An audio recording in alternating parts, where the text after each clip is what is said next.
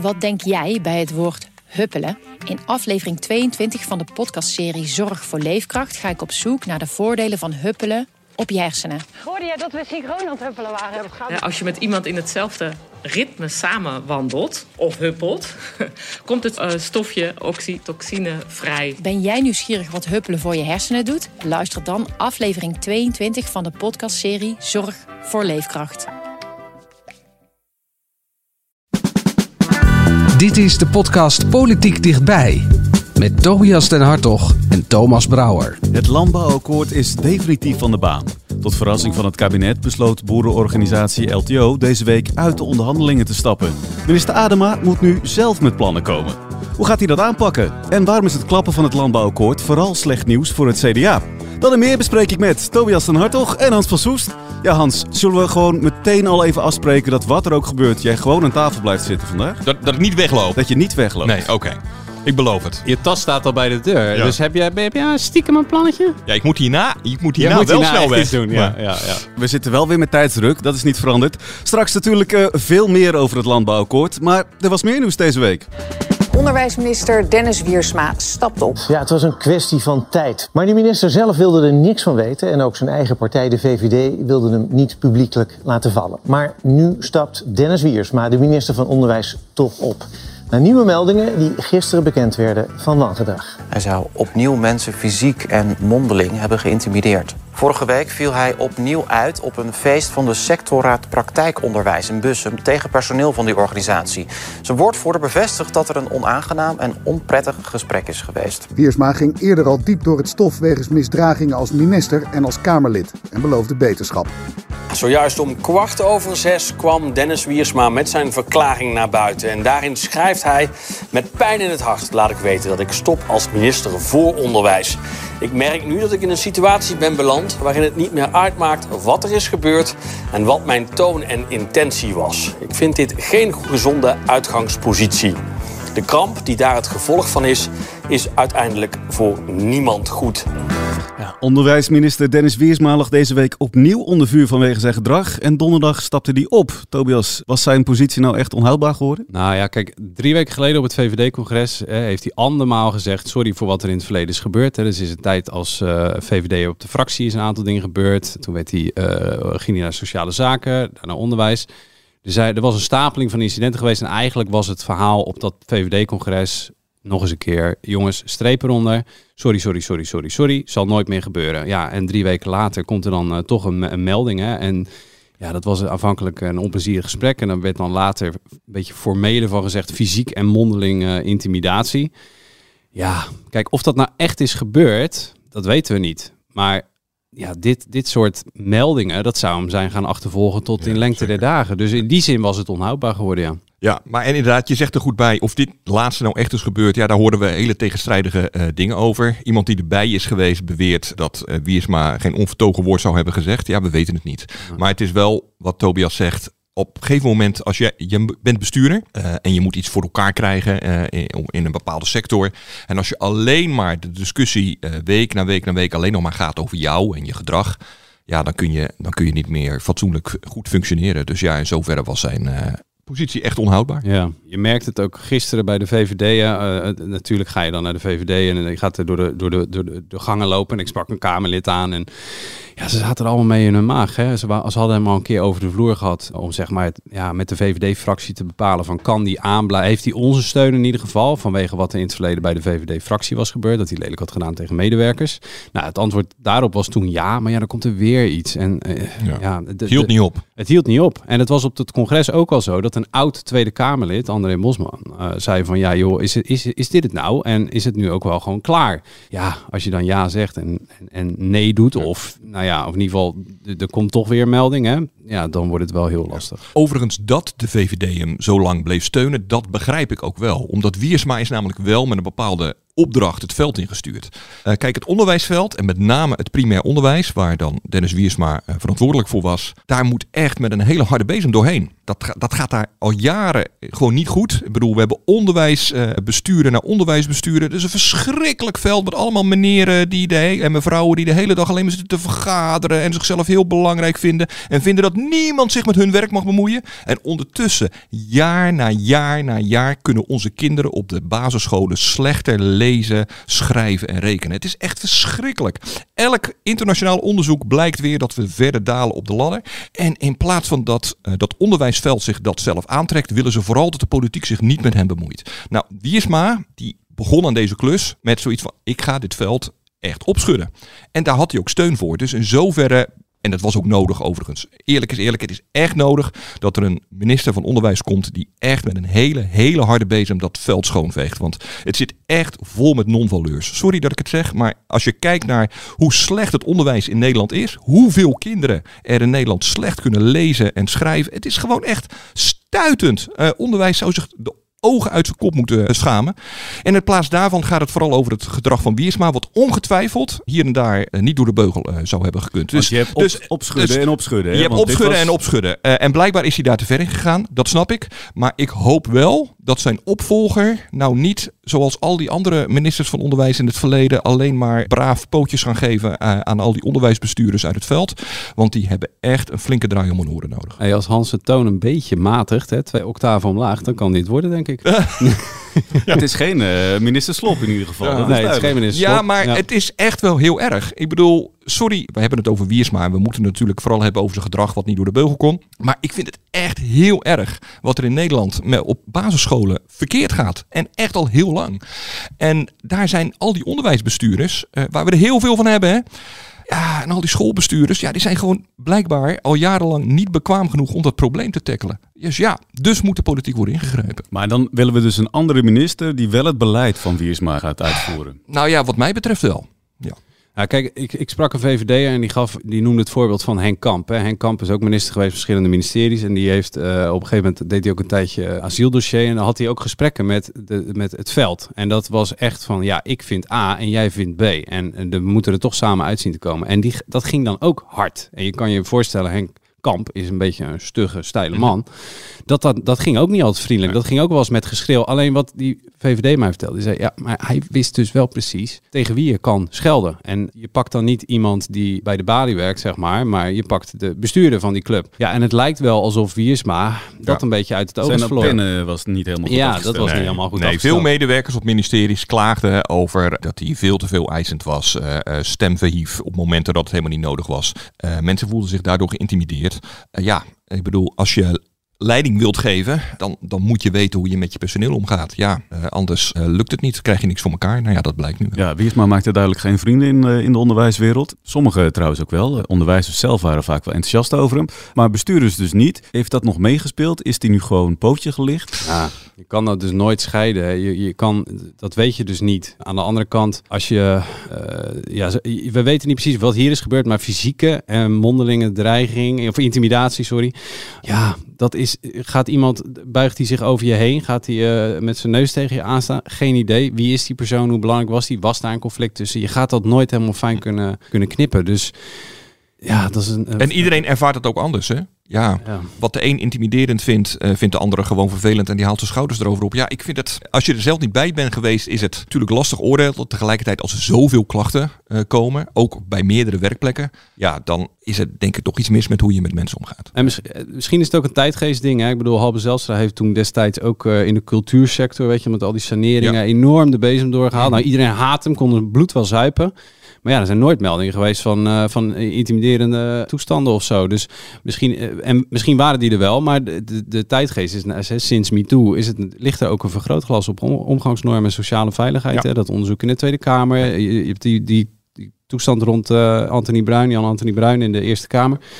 Ja, het Je ziet het ook buiten de politiek. Het is echt een maatschappelijke verandering. Ja. Ik bedoel, iedereen in elke organisatie, eh, iedereen die wat langer werkt, denk ik dat die merkt dat er door leidinggevende dat daar een verandering in is gekomen. Vroeger, elke organisatie, elk bedrijf kende wel een bullebak van een chef. En dat wordt niet meer geaccepteerd. Voor de VVD is het trouwens wel echt een aderlating. Hè? Ik bedoel, eh, ze vinden heus wel een ander. Maar Wiersma kwam niet uit een VVD-nest. Hè. Was ook een, een stapelaar. Hij heeft uh, MAVO, HAVO gedaan, zich zo opgewerkt. Vakbondsjongen. Ja. Vakbondsjongen. Zijn, zijn vader heeft een, uh, een snackbar in Franeker. En, en hij heeft zich eigenlijk met dat verhaal van uh, Rutte ergens in 2006... Hè, waarbij we een brede partij, een brede volkspartij voor iedereen... niet alleen voor de rijken, maar voor iedereen willen zijn. Ja, daar was hij het, het, het product van. Hè. En, ja. en heeft zich helemaal opge, opgewerkt, opgeklommen. Dus, dus voor de VVD, ja, dit was wel een, een steentje in de kroon. En dat is, uh, ja, dat is wel weg nu. Een atypische VVD'er, uh, waarmee de VVD kon laten zien... kijk eens, wij zijn er niet alleen maar voor de parelkettingen uit, uh, uit Wassenaar. Hè, het stereotype beeld wat veel mensen hebben over VVD-stemmers. Ja. En dat uithangbord zijn ze nu wel kwijt. Welke atypische VVD'er gaat hem dan opvolgen als minister? Nou, kijk, de, je, je kan altijd naar de mensen in de Kamer kijken die die ambitie hebben. Hè. Er zijn wel wat mensen die, die, ja, die bovenop de stapel liggen. Hè. Bente Becker is al een aantal keer een Kamerlid, dat is al een aantal keer genoemd voor zo'n positie. Maar er zijn ook uh, wethouders waar dan meteen naar gekeken wordt. Vincent Karmans hier in Rotterdam bijvoorbeeld. Of provinciebestuurders, of provinciebestuurders. provinciebestuurders. Je hebt nu ook vooral ja. iemand nodig die uh, een, een, een ja. beetje een stijle bestuurder is, die wel deze koers doorzet. Hè? Dus die, die, die weet hoe, hoe je moet besturen. Uh, niet per se daar voor zichzelf zit ook, denk ik. en het is niet zo lang meer, hè. Dus ja, ik, nee, ja, dit is een spelletje wat ik altijd verlies. Volgens mij hebben we nog nooit ja, een beetje maar ik bedoel, het meest logische zou natuurlijk zijn uh, dat de VVD nu gewoon voor een ervaren bestuurder ja. kiest. Die makkelijk kan instappen. Die snel uh, een ministerie aansturen. Dat is best ingewikkeld. Want er werken heel veel mensen waar je verantwoordelijk voor bent. Vervolgens met een heel ingewikkeld veld. Onderwijzersveld is misschien wel het meest ingewikkelde veld. Want die hebben allemaal hele eigenwijze bestuurders. Uh, met wie je de hele dag moet overleggen. Ik zou als ik Rutte was. Een, gewoon een ervaren bestuurder saai. kasten. Waar Die ze er saai. op zich een beetje saai misschien. Maar ja. daar hebben ze er op zich genoeg van natuurlijk. Hebben ze er heel veel saaie VVD'ers. Sa saaie VVD'ers, daar heb je genoeg van. En wie is maar zelf? Wat, wat gaat hij doen? Is zijn, zijn politieke carrière is voorbij nu. Ja, of in ieder geval een tijdje in de lulte. Dat lijkt me verstandig. Want je, kijk, dat hij het besturen dus wel leuk vond, is ook wel duidelijk geworden. Hè? Dus hij zal ongetwijfeld wel, wel terechtkomen. Hij is ook nog maar 37. En wie weet, hè, de tijd heel, heel veel monden. Uh, komt hij nog weer een keertje om de hoek. Maar uh, voor nu is het eventjes klaar. Bovendien, hij moet ook echt wel eventjes... Er zit nog wel wat verwerking, hè? Want als je zijn zijn verklaring leest, hè, waar, waarbij hij het had over dat het niet meer uitmaakt wat er is gebeurd, wat de toon en intentie was. Hè. Dus het, maakt niet meer uit wat waar was. Ik had gewoon de schijn tegen. Dus het, hij, heeft, hij heeft zich ook nog niet verzoend met dit lot. Hè. Het is, uh, ik doe dit omdat ik denk dat het niet anders kan, maar niet omdat hij vindt dat hij weg moet. Dus ja, er zit ook nog wel uh, wat, wat sessies herstelwerk in. Dat is overigens wel waar de VVD er, erg goed in is. Hè? Als er een minister aftreedt, heb je de volgende dag een paar uh, oud uh, gedienden aan de lijn die zeggen van joh, kom eens een kop koffie drinken. Uh, joh, we gaan eens een, een wandelingetje maken, we gaan eens een tosti eten. Word je even opgevangen. De nazorg is bij de VVD meestal goed geregeld. Ja, nazorg, dat kan Piet Adema misschien ook wel gebruiken. Deze week klapte het landbouwakkoord waar de minister van Landbouw al maanden aan werkte. Boerenorganisatie LTO stapt uit de onderhandelingen met het kabinet over een landbouwakkoord. Al zo'n acht maanden werd er door veel boerenpartijen en de overheid gepraat over de toekomst van de landbouw. Doel was om eindelijk met de hele landbouwsector tot een akkoord te komen over een duurzame toekomst. Maar dat lijkt nu dus niet meer te lukken. LTO stopt met dit landbouwakkoord. Want het vertrouwen ging het voor onze boeren al die jaren en al die tijd. En de afgelopen maanden is dat vertrouwen ondanks grote voorstellen die we gedaan hebben, is niet dichterbij gekomen. Nu dit uh, uh, geklap is, ja, dat, het enige wat je erop oplevert is vertraging. En daar, daar is niemand bij gebaat. Het is hun keuze om niet verder te gaan met onderhandelingen. We waren met elkaar in gesprek. We proberen ook, en dat is natuurlijk logisch bij onderhandelingen, proberen naar elkaar toe uh, te bewegen. dat deden we ook. En toch heeft LTO het, uh, het, niet aangedurfd om te springen. En uh, uiteindelijk deze keus gemaakt. Het is bijzonder te betreuren. ik heb er ook een, een, een rot gevoel om. Ik vind het ongelooflijk jammer.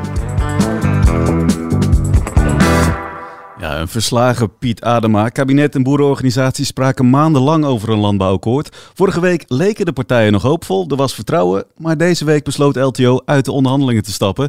Hans, begrijp jij dat? Dat begrijp ik heel goed zelfs. Wat het kabinet eigenlijk verwachtte van de boerenorganisaties... is dat zij zouden zelfstandig zouden instemmen. Uh, dus eigenlijk een akkoord zouden geven op inkrimping van de sector. Daar komt het eigenlijk wel op neer. En ja, dat is nogal wat. Ik bedoel, waarom zou jij als boerenorganisatie daarmee instemmen? Ik vond het ook altijd een naïef idee gevonden om te denken dat dit zou gebeuren. Los van het feit dat boerenorganisaties allemaal extreem versplinterd zijn en LTO enorm onder druk stond van de radicale flanken, eh, zoals Farmers Defence Force, eh, die ja. LTO zou geïmplodeerd zijn, sowieso. Er zou niks meer van over zijn gebleven als ze hiermee hadden ingestemd. Omdat de achterban het nooit had Hij geaccepteerd. had de achterban nooit geaccepteerd. Dus kijk, als jij als politiek vindt dat de veestapel moet inkrimpen. Of dat eh, eh, akkerbouwers op een andere manier moeten produceren. eh, dat kan, hè? Maar dan moet je dat doen. Maar je moet niet verwachten dat boeren, die daar dus op moeten inleveren, dan eh, eh, van tevoren daar een soort akkoord over gaan sluiten. Nee, die willen natuurlijk eh, vechten voor hun. Ja, het zijn ondernemers. Elke ondernemer zou het onderste uit de kant proberen te houden. En zo lang mogelijk proberen zijn bedrijf overeind te houden. Dus ik, ik, ik heb nooit zo heel goed begrepen waarom ze nou ineens dachten. Kijk, ik snap het wel. Aanvankelijk zou dat landbouwakkoord er ook helemaal niet komen. Hè. In het regeerakkoord stonden er gewoon plannen van het kabinet. Dit gaan we doen. Nou, vervolgens kregen we al die boerenprotesten. En toen kwam Remkes. En een van die dingen die toen bedacht is van nou, misschien kunnen we wat, wat, wat tijd kopen. Of wat, wat Draagvlak eh, creëren. draagvlak creëren bij de boeren door een landbouwakkoord te sluiten. En dan gaan we alles wat we van plan zijn met eh, de landbouw eh, voor de komende jaren, gaan we dan op een hoop gooien. En dan gaan we daar met elkaar over praten. En kijken of we dan een soort van toekomstvisie voor de landbouw in Nederland kunnen opschrijven. Waar iedereen achter staat.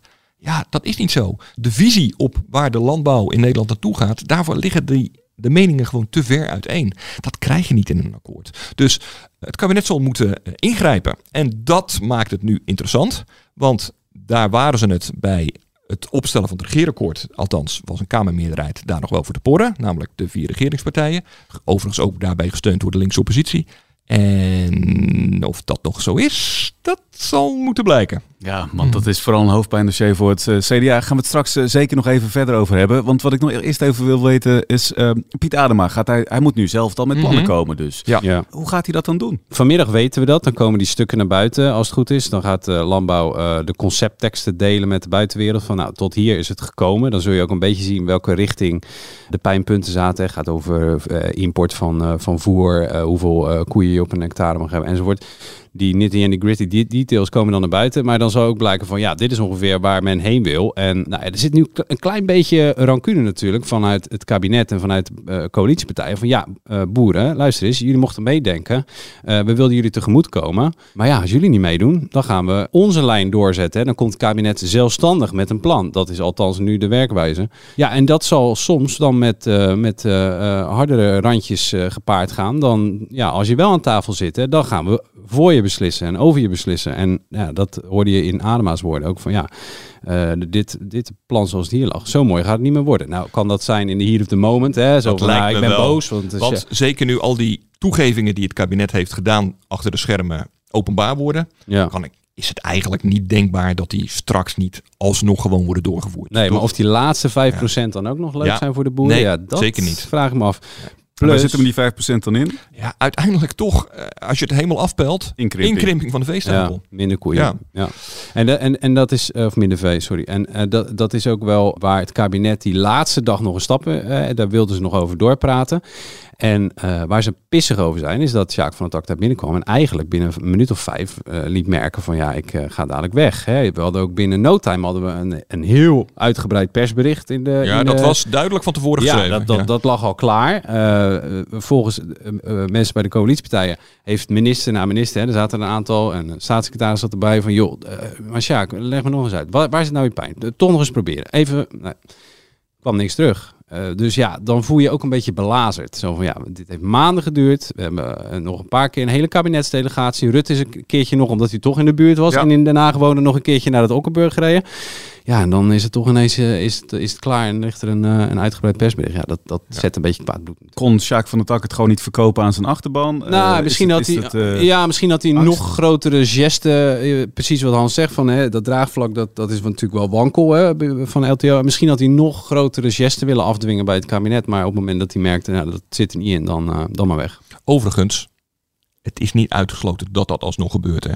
Want als je goed naar de woorden van Van der Tak luisterde, die zei bij het naar buiten gaan, het overleg stop nu. Ja. Met andere woorden, als jullie nou van de zomer nog met een beter alternatief komen, nou, is, valt er misschien nog met ons te praten. Ja. Adema zei, eh, want hij had het over de herfst geloof ik, maar Adema die zag dat al niet meer zitten. Ja, die had natuurlijk ook wel een beetje een off-day. Die was er Ja. gewoon even klaar. Ja, ja, ja. Oké, dus daar moeten we niet te veel waarde aan Nee, hechten. daar moet je een beetje voorzichtig Ja. mee zijn. Het is ook een, eh, ook een mens, hè, die denkt ook gewoon, ja, ik ben blazend en eh donder maar op. Ja, En waarvoor heb ik al die maanden hier zitten praten? ja precies. Ja. Ja, Ja, voor Adema zelf, hè. volgende week wordt er in de Kamer verder gedebatteerd over het, het klappen van dit akkoord. Moet hij zich nog zorgen maken? Nee, dit is gewoon de uitvoerder met de beste intenties, beste bedoelingen. En, eh, Die heeft volledig support. Ja, en als, die, als het er niet lukt, dan haalt hij de andere kabinetsleden bij. Er is maar één iemand nu die zich echt zorgen moet maken. Wopke Hoekstra. Wop, Hoekstra, ja. Nou ja, kijk, het CDA, dat zit natuurlijk electoraal in de verdrukking. Je zag het weer bij de statenverkiezingen eh, dit voorjaar. Die hebben een traditionele basis, namelijk de provincie, zijn ze gewoon kwijtgeraakt. Het heeft er echt keihard ingehakt. En die weten, jongens, we hebben iets fout gedaan, we moeten het roer omgooien. Nou, stikstofbeleid ligt enorm gevoelig bij de CDA-achterban, dus daar moet iets mee. En Wopke Hoekstra heeft dus aangekondigd van nou, ik wil dat regeerakkoord openbreken. Ik wil dat stikstofbeleid wil ik wat afzwakken. Maar hij weet ook, daarmee ga ik een kabinetscrisis riskeren. Wil het CDA niet, want ja, als er nu verkiezingen komen, is het CDA weg. Dus hadden ze iets slims bedacht. We verschuilen ons achter de boeren. Dus ze hadden gezegd, een heel rare eh, eh, noviteit eh, eh, in, in, in de politieke geschiedenis. Maar hij was wel interessant. Hij zeiden van, wij willen straks in de toekomst heronderhandelen op het regeerakkoord. Met als voorwaarde dat eerst alle provinciebesturen zijn geweest. In de hoop dat die al allerlei afspraken hadden gemaakt die het stikstofbeleid hadden afgezwakt. Het gaat dan met name over die deadline van 2030, 2035. En als er een landbouwakkoord is. Met andere woorden, als de boeren het draagvlak hebben en als die al voor ons in de onderhandelingen wat kolen uit het vuur hebben gehaald. Ja, dat is nou van de baan. Dus nou moet Hoekstra zelf met de billen bloot. En ik ben heel benieuwd wat er nu gaat gebeuren. De eerste reactie deze week was... ja, dat heronderhandelen dat zal waarschijnlijk niet meer voor de zomer gebeuren. We moeten nu eerst eens even el gaan overleggen in het kabinet. Dus ja, ze weten het eigenlijk bij het CDA ook niet meteen hoe het nu verder moet. Intussen begint de achterban van het CDA al wel zich te roeren. Zeker, die zeggen van hallo, hey, kom op, leveren eh, Hoekstra. Eh, jullie hadden beloofd eh, dat we dit stikstofbeleid gingen aanpassen in het regeerakkoord. Nu doorzetten. Ja, in Limburg een is zelfs beetje- het verhaal dat er al afscheidingsplannen Ja, ontstaan. dat is wat. Of is wat dat overdreven. om het Ja, CDA wat dat- extra druk op te Ja, leggen? als je die mensen spreekt, dan is het van oké, eh, we gaan eh, eh, eens eh, intern overleggen over hoe het verder moet. En in een uiterste geval zou het kunnen zijn dat we ons afsplitsen. Maar dat gebeurt echt niet binnen nu in een week hoor. Maar ja, Hoekstra zit Ja, wel tussen kan- twee vuren. Je kan Ja. zonder dat soort zorgen, hè, als je Hoekstra Mhm. bent, eh, liever Ja. niet. Ja, ja, en het is ook, je ziet ook aan eh, bij de andere partijen, bij VVD, D66, zeggen ja, wij weten ook niet welke kant hij op wil. Tegelijkertijd, niet. tegelijkertijd heeft Hoekstra één ijzer in het vuur. Het CDA kan nieuwe verkiezingen niet gebruiken. Maar dat geldt voor de andere regeringspartijen ook. Dus al die regeringspartijen voelen ook wel aan van ja, shit, we moeten wel iets met dat CDA. Dus ik denk eigenlijk dat de onderhandelingspositie van Hoekstra niet eens zo heel slecht is eh, als hij deze zomer met Rutte en Kaag en Bikker zal het dan zijn eh, voor een eh, als partijleider van de ChristenUnie om de tafel gaat zitten om te zeggen jongens, we moeten wat met dat stikstofakkoord. Niemand wil nu verkiezingen. Van de coalitie? Niemand van de coalitie, dat bedoel ik. Ja, sorry. Niemand van de regeringspartijen. Want iedereen kijkt naar die peilingen en die denkt, ja, ja. We hadden eh, toch graag nog iets meer tijd om onze achterban te laten zien dat het nut had dat wij überhaupt deel hebben genomen aan dit kabinet. Ze willen toch ook wel iets laten zien. Zal ik een klein eh, eh, voorzetje doen? Voor, en dan stuur ik wel een factuurtje naar het CDA. Maar wat, wat natuurlijk tot de, tot de mogelijkheden behoort nu, is, eh, is die zomer eventjes niet dat heronderhandelen gaan doen. Even pauzeren, rust nemen. Adema de tijd geven, hè, dat zeg je dan. We geven Adema de tijd om met een eh, hartstikke mooi eh, landbouwplan te komen. En dat gaan we gewoon weer naar, aan LTO geven. En dan hopen we dat ze alsnog aan boord komen. Maar wie weet, eh, zo niet, dan is dat het plan. En ja, ook al is dat dan de, dezelfde vis die ze nu al proberen te verkopen. En ligt hij al een beetje in de zon te rotten en te stinken. Je, je gooit het in een, in een pan en je doet er mooie visolie bij. En dan zeg je, kijk eens, dit is een hele mooie nieuwe bouillabaisse. Prachtige eh, vissoep voor in het najaar. En dat gaan we aan die boeren aanbieden. Die is hartstikke lekker en die is hartstikke Wel een vers. beetje idee hoe het bij jou in de keuken eraan toe gaat. Ja, nee, je moet bij mij niet komen eten. Maar dat is, de, dat is denk ik in ieder geval een route die het CDA zou kunnen beproeven. Dus Ja, probeer eerlijk het, gezegd, probeer het zo ik te vraag verkopen. me af of ehm, ze daar de tijd voor krijgen. Ja, dat- Uiteindelijk moet dit dossier een keer worden afgerond. Je kunt dit niet nog maanden laten voortslepen. Nou ja, dat wordt eh, een spannende zomer dan. eh. Zeker. Ja, ga niet te ver weg. Wij kijken al een beetje naar die, naar die zomerstop die er natuurlijk Mhm. aankomt. Maar misschien moeten we wel gewoon door dus. Ja, dat, het zit, eh, eh, en dan moet Wopke Hoekstra ook, zo, ook door. Dus, ehm, kan ook niet weg. Kan Ja. ook niet weg. Nee. Ja, nee, ik kan me niet voorstellen dat ze niet proberen binnen de coalitie om deze zomer, als ze toch moeten gaan onderhandelen over eh, de plannen voor Prinsjesdag, meteen proberen dit vuiltje, vuiltje, het is een enorme, enorme vuil, eh, die nu echt al maanden de hele boel eh, eh, verstopt, weg te vegen. Het moet een keer worden opgelost, want het houdt de hele boel op. Alles ligt onder de, onder de deken van ja, haalt dit kabinet überhaupt nog wel het eind van het jaar? Nou ja, Dus ja, het moet gewoon worden opgelost. De bouw stagneert en we hebben nog ook we hebben nog grondwaterproblemen. Het grijpt in in alles. Dus ja, ehm, je kan dat niet voor je uit blijven duwen. Als we kijken naar volgende week, jongens. Ja, volgende week is er eh, een beetje een blast from the past. Hè? Eh, Je kunt je nog herinneren de verschrikkelijke, lange, stroperige, klunzige formatie voor dit kabinet. 2021. Eh, het was een nachtmerrie, hè, met die wil niet met die. En, en, en natuurlijk als hoogtepunt of dieptepunt het Pieter Omzicht functie elders verhaal. Hè, dat de formerende partijen zouden hebben geprobeerd om Pieter Omzicht naar een baantje op, aan de zijkant te dirigeren. Nou, wat destijds bijna eh, Rutte's kop kostte. Hè, want die zei, nou, ik heb het niet over omzicht gehad met de verkenners. En later bleek dat dat wel zo was. Nu heeft Nieuwsuur van de week wat uitzending gehad. Waarbij over- hij er overigens wel altijd bij zei, dat ging niet over een functie elders. Ja, nou ja, Ja. vooruit. Waarbij eh eh Nieuwsuur heeft van de week wat uitzending gehad over... maar hoe is dat hele Pieter Omtzigt... Wie bracht hem nou te sprake als eerste dat hij een probleem was? Hè? Op dat moment had je Wopke Hoekstra... en je had die hele leiderschapsdiscussie gehad binnen het CDA... en Pieter Omtzigt was de nummer twee... en die had misschien wel meer voorkeurstemmen gekregen. Dus ja, was hij dan niet de rechtmatige leider van het CDA... en ging dat problemen geven en instabiliteit binnen die club? Nou, is thuis weer, weer eens ingedoken. Eh, goed werk geleverd. En daar kwam dus eh, eh, het verhaal naar boven dat de eerste verkenners, Olongren en Jorisma, al meteen na de verkiezingen hebben gesproken over dat omzicht een probleem was. Nou, daar hebben ze melding van gemaakt en een briefje over geschreven naar de Tweede Kamer.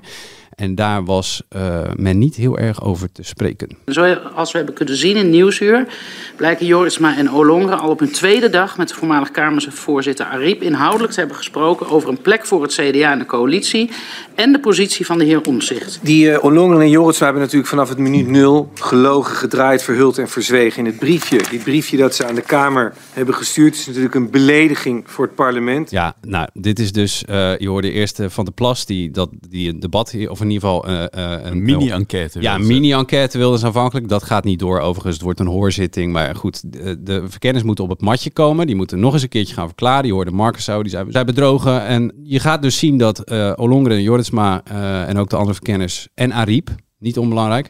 Oud-Kamervoorzitter. Oud-Kamervoorzitter. Want het was in een gesprek met haar dat die twee verkenners zouden hebben gezegd dat omzicht een probleem was. Daar heeft ze ook een briefje over, een uitgebreidere brief overgeschreven aan de Tweede Kamer deze week. Eh, waarbij ze dus eigenlijk Joritsma, die noemt ze, die zegt ja, zij had het erover dat omzicht een probleem was. Eh, eigenlijk gooit ze die een beetje voor de bus. Hè. Nou, eh, je kan zeggen dat is gewoon eerlijk en hoe het is gebeurd. Maar daarmee oud ze uh, Jorisma natuurlijk. Nou, wat dit op gaat leveren, your guess is as good as mine. Want eigenlijk weten we al dat hierover gesproken is. We weten alleen nog niet in welke volgorde, wie als eerst, wanneer, hoe erg dat was. Dat moet nu allemaal opgehaald worden. De Kamer, in ieder geval de oppositie, wil dat heel graag weten. En je ziet de coalitie erbij zitten met, oh mijn hemel, ja, daar gaan we ja, weer. Ze gaan het weer we heel weer. Wat je weer gaat zien komende week is dat de oppositie echt schande gaat roepen. Ja. En eh, dat democratie is verkracht. En er zullen hele grote termen worden gebruikt. Ik denk dat Jorisma zal zeggen: luister, is, eh, het was helemaal niet zo raar wat ik zei. Wij moesten verkennen wat überhaupt de mogelijkheden waren voor een nieuw eh, kabinet. Een nieuw kabinet zonder het CDA is getalsmatig in deze versplinterde Tweede Kamer, waarin de PVV en Forum voor Democratie eh, door iedereen taboe waren verklaard, onmogelijk. Eh, dus dan is het niet zo heel raar dat je nog even, want dat was haar eh, eh, verdediging zal het zijn, eh, dat je heel even wacht totdat alle stemmen zijn geteld en je weet of ehm zich niet meer voorkeurstemmen kreeg dan eh, de leider. Want we hebben bijvoorbeeld in het verleden gezien bij de VVD dat dat tot problemen leidde. Hè? Toen Ja, kreeg Rutte. Rita Verdonk meer voorkeurstemmen eh, eh, dan de lijsttrekker Mark Rutte. En dat leidde meteen tot gedoe. Ja. Is het dan onlogisch, is de vraag. Is het en, onlogisch? En de coalitiepartijen dat- zullen denken, nee, dat is niet onlogisch. Nee. Die, die moeten zeggen, het was niet netjes. En je hebt de oppositie zegt, ja, we zijn, we zijn besodemieterd. Want En- de en- verkenners die hadden niet die rol of die taak of dat hadden ze nooit zo. Nou ja. En, en dat, dat, die discussie, daar kom je niet uit. Behalve dat het weer een hele lelijke week gaat worden... waarin iedereen elkaar voor rotte vis uitmaakt. En het vervelende is dus, deze formatie is al geëvalueerd door onderzoekers. uh, Carla van Balen. En die hebben ook die hebben eigenlijk gesteld van joh, er was, er was zoveel wantrouwen en zoveel politiek belang om elkaar te beschadigen.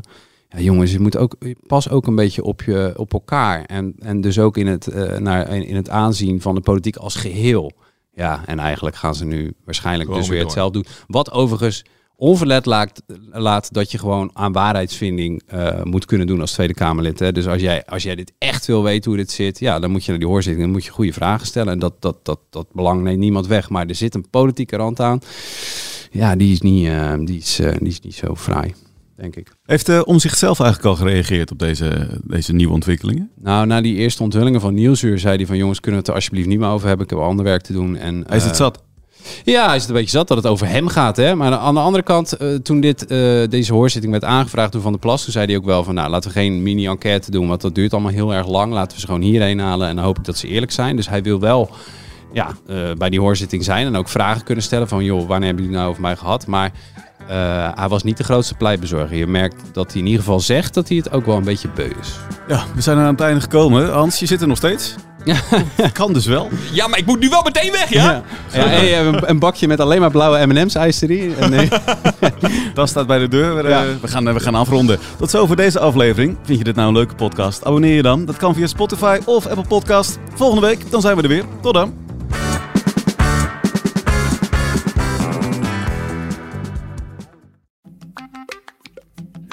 Wat denk jij bij het woord huppelen? In aflevering 22 van de podcastserie Zorg voor Leefkracht ga ik op zoek naar de voordelen van huppelen op je hersenen. Hoorde jij dat we synchroon aan het huppelen waren? Ja, als je met iemand in hetzelfde ritme samen wandelt of huppelt, komt het eh, stofje oxytocine vrij. Ben jij nieuwsgierig wat huppelen voor je hersenen doet? Luister dan aflevering 22 van de podcastserie Zorg voor Leefkracht.